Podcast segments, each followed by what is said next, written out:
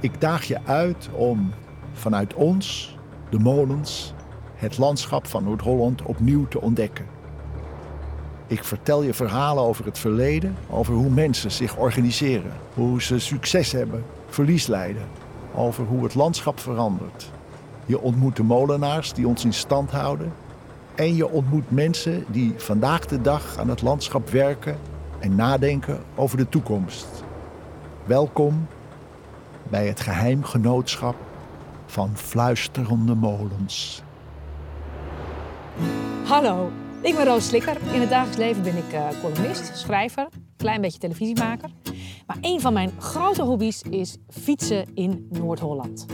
En soms vraag ik me af, bestaat dit prachtige landschap straks nog voor mijn kinderen en mijn kleinkinderen? En nou heb ik een brief gekregen van het Genootschap van Fluisterende Molens. Waarin mij wordt gevraagd om heden, verleden en toekomst van het Noord-Hollandse landschap te ontdekken.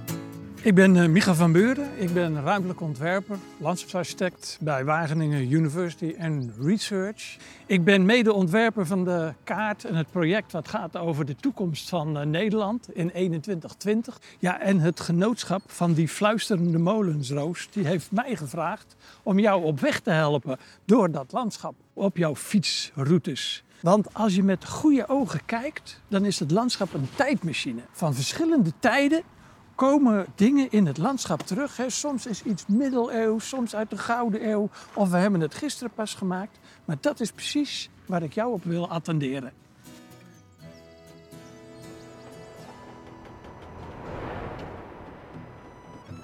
Nou Roos, we zijn aangekomen in Medemblik. Fantastisch gelegen. Aan de ene kant de voormalige Zuiderzee. Hè. Nu het IJsselmeer. Die tijd komt niet meer. Iedereen kent wel het liedje van Sylvan Poons uh, daarover.